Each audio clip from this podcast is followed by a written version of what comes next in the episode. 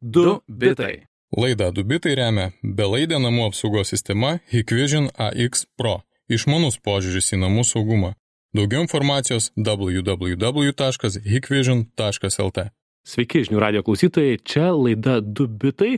Kaip ir kiekvieną savaitę apžvelgsime šios savaitės technologijų naujienas.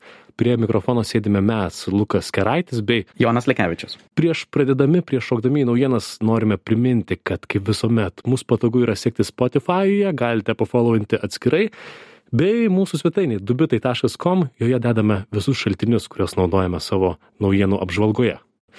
Tai va, tokia trumpa įžanga. E, Šiandien naujienos dvi, e, dvi didelės ir svarbios. Pirmoji jų, kas sekė, kas žiūrėjo pirmadienį renginį, galbūt ir matė, tai yra nauji Apple procesoriai. Čia svarbiausia naujiena, bet pirmadienio vakarą Apple savo darė virtualaus renginio pristatymą, pristatė naujus gaminius, bet svarbiausia visgi ta naujiena iš to, to renginio buvo du procesoriai M1 Pro ir M1 Max procesoriai. Kodėl e, realiai pusė laidos bus skirta procesoriams bet tikiuosi ne tik tai supras mus gykai ir inžinieriai Visas ir procesorių procesas. procesorių procesas. Tai šiek tiek pasigilinsim kas yra procesoriai kodėl jie svarbūs man patiko pasakymas toksai kad e, na kartais taip mėgstama sakyti kad software eat the world kad atseit um, programinė įranga tokia yra svarbi, kad jinai varo pasaulį.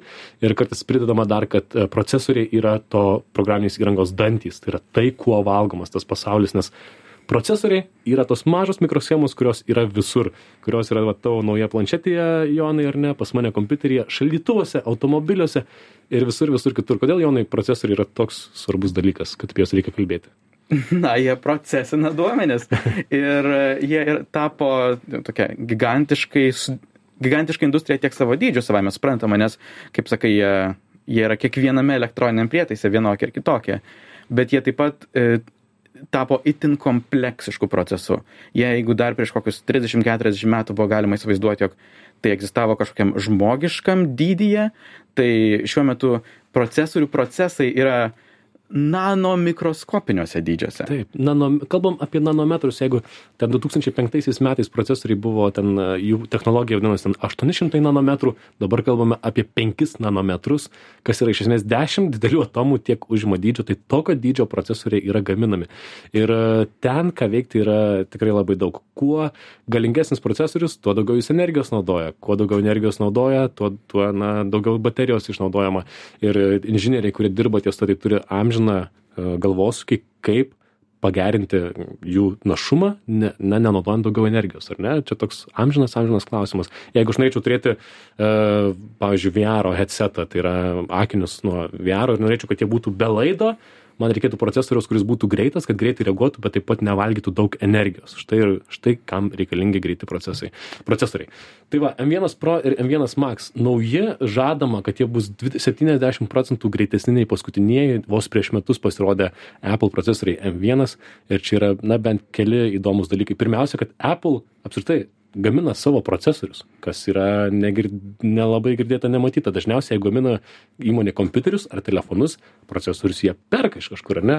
paskutinius, e, iš esmės, iki Apple atsiradimo rinkoje beveik 40 metų dominavo toks supra- supratimas, jog procesoriai yra komponentas kompiuteryje ir tai yra um, tiesiog tokios, tai nėra vertikalios integracijos dalis, E, tai yra moduliarus komponentas, kurį tu perki arba iš, pagrindai iš Intel, turbūt Mhm. pašnekėsim apie Intel vargus dabar, i- arba iš kitų gamintojų, bet iš esmės, jog tai yra komponentas, kurį tu perki.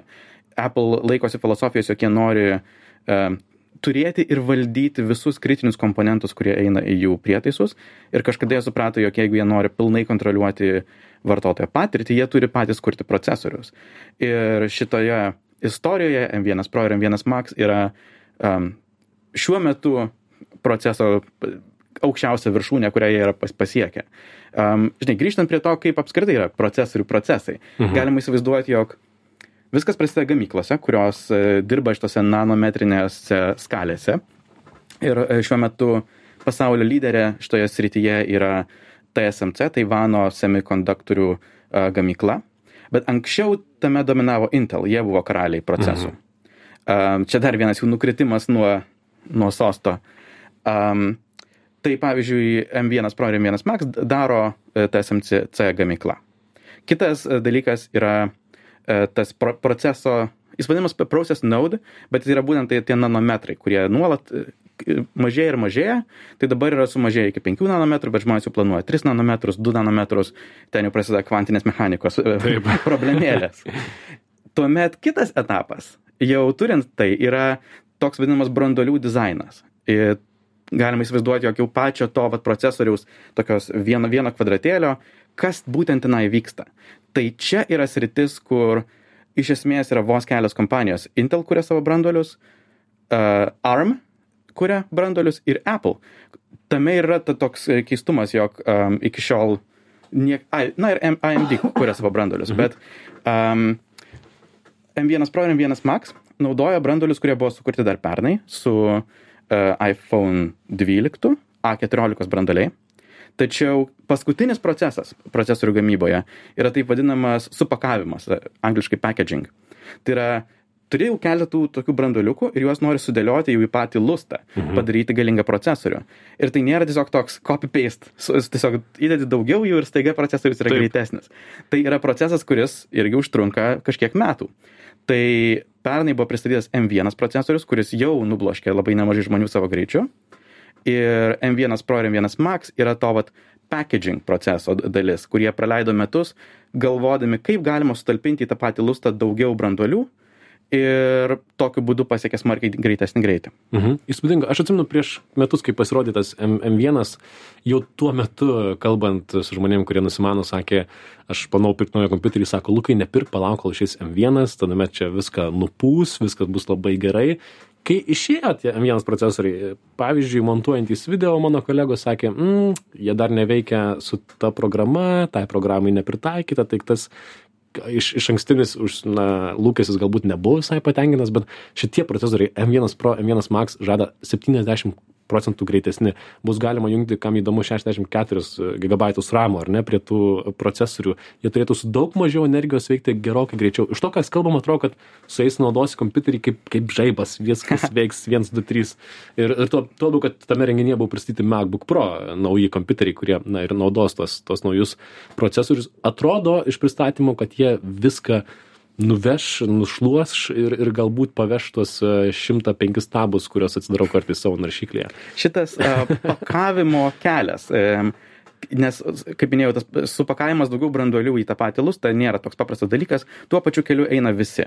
Uh, tuo pačiu keliu eina AMD ir Intel, nes užtrunka laiko. Intel irgi pirmiausia pristato pačius uh, paprasčiausius kompiuterius, pa, turinčius uh, procesorius kompiuteriams, kurie turi mažiausiai poreikių. Bet po kiek laiko jie pristato ir galiausiai po kelių metų tik tai pasiekia serverio lygio komponentus.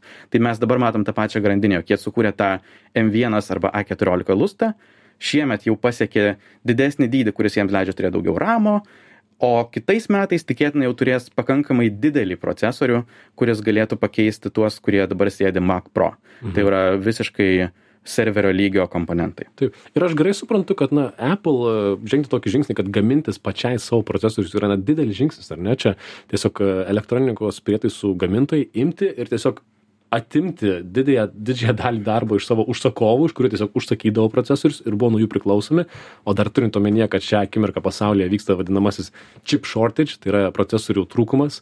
E, Toyota, pavyzdžiui, šią pranešė vakar, kad spalį pagamins 40 procentų mažiau automobilių dėl to, kad jiems trūksta procesorių, dėl, na, jau čia globalių šitų visų reiškinių, e, grandinių, e, logistikos sutrūkimo ir panašiai. Visiems reikia, reikia tų, tų, tų, tų čipų kuo daugiau.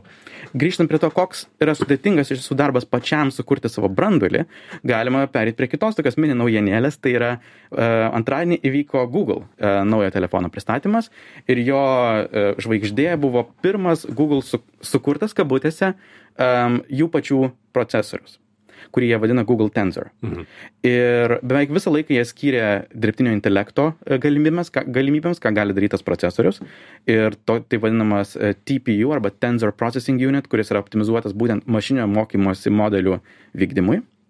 Tačiau, kaip ir kiekvienas procesorius, jis turi turėti tą CPU, tą e, kompiuterio procesorių Taip. ir grafinį komponentą.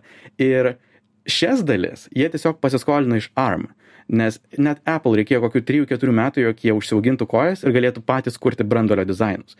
Tad iš esmės google tensor procesas nėra nėra labai stebinantis savo pasiekimais. Jie iš esmės nesigyrė kaip jie yra konkurencingi savo greičiu nes turi naudot kitų branduolius branduolio sukūrimas yra labai sudėtingas procesas.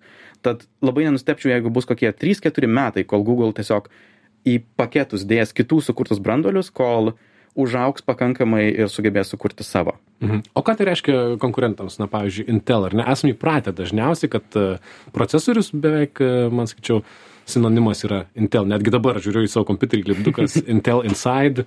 E, šitam kompiuteriui mano kiek šeši metai turbūt. Ir čia yra Intelis i7 procesorius. Pirkau prieš pusę metų naują kompiuterį. Vis dar tas pats Intelio i7 procesorius eina, važiuoja, tik aišku naujesnis.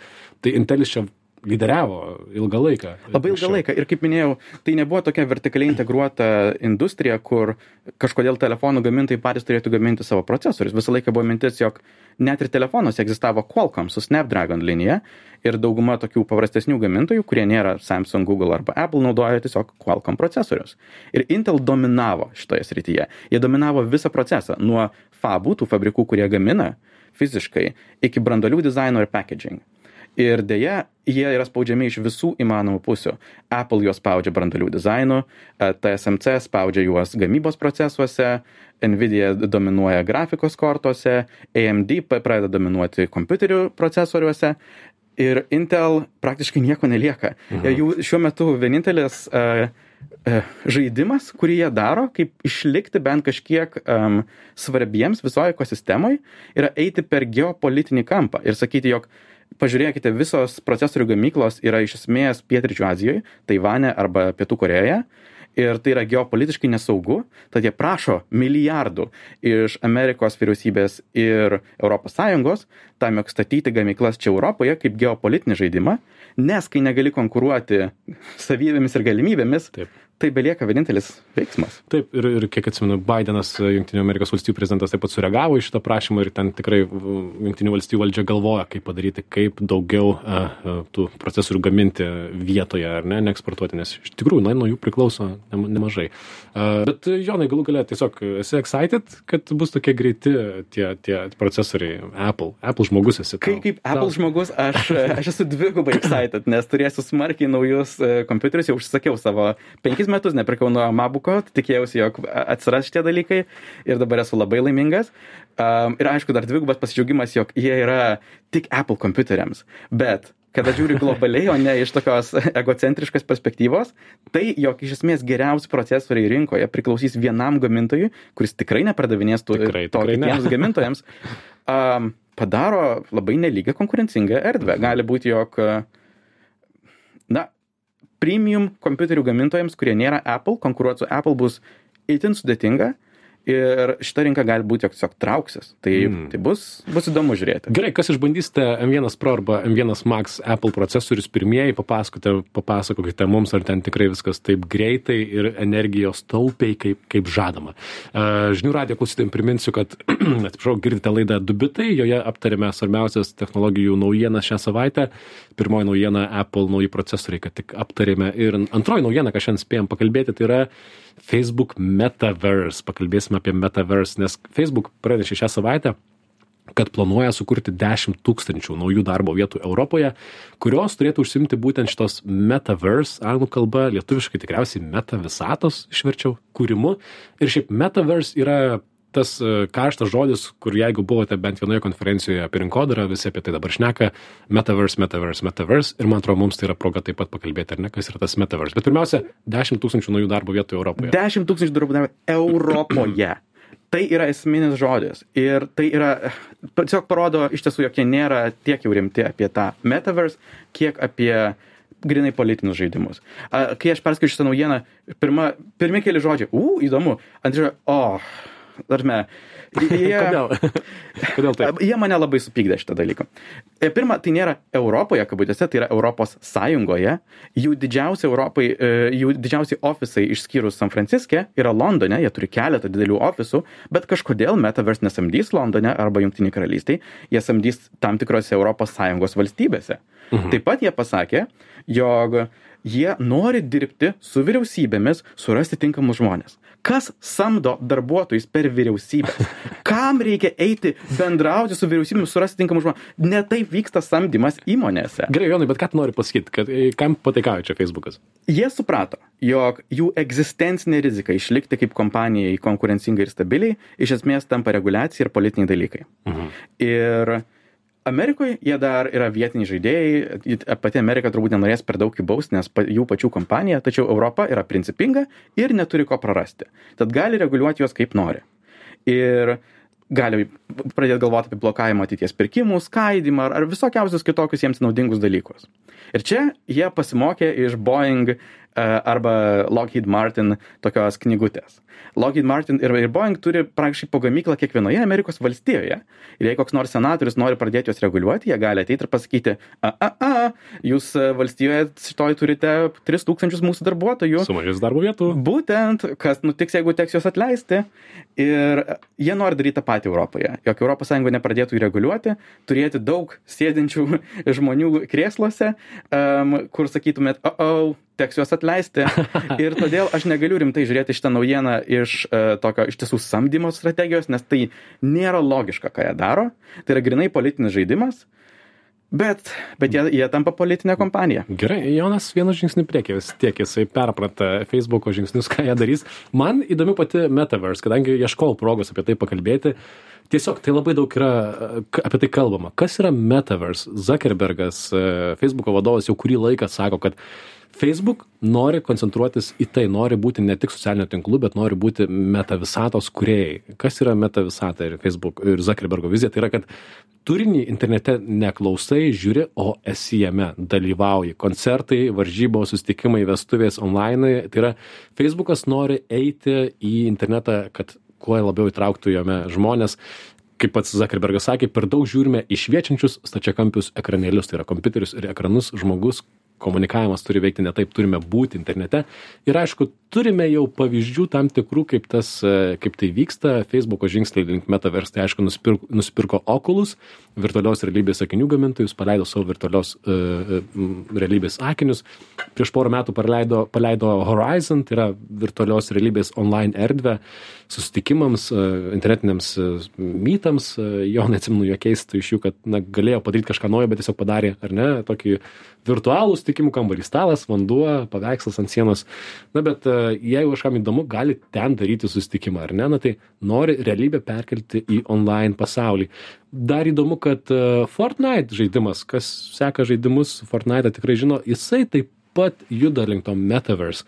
Ir atsimenu, Travis, Travis Scott atlikėjo koncertą, hip-hopo repo atlikėjas prieš metus Fortnite'o Fortnite kompiuteriniame žaidime padarė savo koncertą, gyvai žiūrėjo 12 milijonų žmonių, atsimenu, ir pat žiūrėjau iš karto, kai tik išėjo įrašas ir buvau sužavėtas, tarp kitko. Man buvo įspūdinga, e, tarsi metu ten vaikštai su kontrolieriu, bet e, buvo kaž, kažkas tokio. Ariana Grande koncertas, Ferrari 296 GTB Fortnite pasirodė kaip patestuojamas modelis. Tai yra, kad žaidimai socialiniai tinklai jungiasi į vieną tai yra metaverse tai yra tai ko feisbukas nori kad realybė ir online pasaulis riba tarp jų tirptų tirptų ir ištirptų Ir iš esmės tai yra jų pagrindinis e, toks e, statymas ant ateities. Jie daugiausia būtent investuoja į VR. Kitą savaitę bus jų Oculus Connect konferencija, bus dar turbūt tikrai daugiau naujienų, bet trečiadienio rytą išėjo gandas, um, jog Facebook planuoja pakeisti kompanijos pavadinimą, mhm. kuris atspindėtų jų metaverse ambicijas. Tai truputį, jog žmonės nepanikuotų. Facebook.com ir Facebook appsas toliau bus Facebook. Facebookas. Tas nepasikeis. Bet Facebook Incorporated kompanijos pavadinimas tikėtina pasikeis ir labiausiai tikėtina, mano spėjimas čia, jog jis pasikeis būtent į žodį Horizon. Horizontas. Spėj. Nes jie pervadino pačią Horizon erdvę į Horizon Worlds, turbūt tam, jog atlaisvinti patį Horizon pavadinimą. A, Ir kai turėjau laidą skaitmeniniai horizontai, gerai, gerai buvo A, ar ne? taip. Ir, o ką reiškia iš esmės būtent tas kompanijos pavadinimas, tai labai primena į tokį judesį, kurį 2015 metais padarė Google, kai jie pervadino savo holdingo kompaniją į Alphabet. Taip, teisingai. Tai iš esmės būtent tas ir nutiktų, jog tiesiog Horizon turėtų Facebook, Instagramą, WhatsAppą ir taip toliau. Ir iš esmės tai toks nieko nekainuojantis gestas. Jie, jie gali pervadinti kartą per savaitę, jeigu nori, mhm. bet puikus būdas sugeneruoti dar daugiau uh, straipsnių ir dėmesio į jų metaverse ambicijas, kurios akivaizdu nesilpsta ir jie nori ne pasilikti ant esamos patogios vietos, kurie tiesiog pardavinė reklamas Facebook uh, sraute, bet sakyti, jog mes žiūrime į horizontą, į priekį. Taip, taip, taip, jie nori taip apie tai kalbėti. E, bet Jonai, ar tiki meta visata? Aš atsimenu, 2018 metais išbandžiau VR chatą, kas tuo metu buvo arčiausiai to, apie ką kalbama, tai yra užsidėti virtualios realybės sakinius ir, esi, na, eini po kambarius, eini į barą virtualų virtualios realybės, ten geri virtualų alkoholį, e, kažkas siūlė man pirkti kokaino be abejo tame VR chatą, kaip jau internetas veikia, tokios keistos vietos. Ir aišku, išleidžiami visokie išmanus sakiniai, kurie trina ribą tarp realybės ir mūsų, nes šią akimirką, šią akimirką vis tik turi ištraukti telefoną, kad patikrintum, kas ten yra. Esi arba online, arba čia, čia su manimi, ar ne? Bet, e, na, didžiosios kompanijos nori trinti, trinti tą ribą. Kaip manai, tai įvyks? Nes pats Facebookas, pats Zuckerbergas sako, tam reikės 10-15 metų.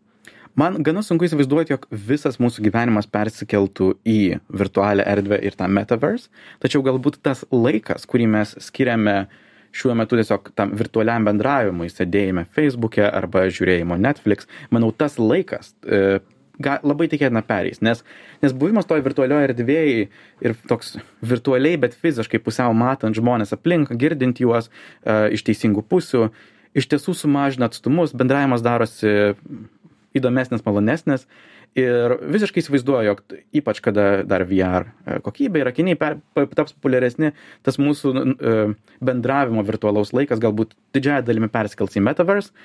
Aišku būtų visai liūdnas pasaulis jeigu visą virtualią egzistenciją kontroliuotų viena facebook kompanija arba Horizon kompanija, bet e, gali būti, jog tame ir yra jų pagrindinis tikslas, jog tai nebūtų atviras dalykas kaip internetas, o virtuali visa virtuali egzistencija priklausytų jiems. Taip. Ir futuristai ir fantastikos rašytojai apie tai kalba jau na keliasdešim metų apie tai kad gyvensime onlaine ir viskas bus onlaine dalyvausime onlaine apie tai kalba ir zakerbergas pažiūrėsim ar taip ir bus. Tai tokios dvi naujienos šią savaitę. Girdėjote laidą du bitai čia buvome mes lukas keraitis ir jonas lekevičius kaip visuomet šios ir kitų laidų įrašus rasite žinių radijo interneto svetainėje žinių radijas taškas lt o mes atsisveikiname iki kitos savaitės sugrįšim su kitom naujienom iki Iki. Du bitai. Laida Du bitai remia belaidę namų apsaugos sistema Hikvision AX Pro. Išmanus požiūris į namų saugumą. Daugiau informacijos www.hikvision.lt.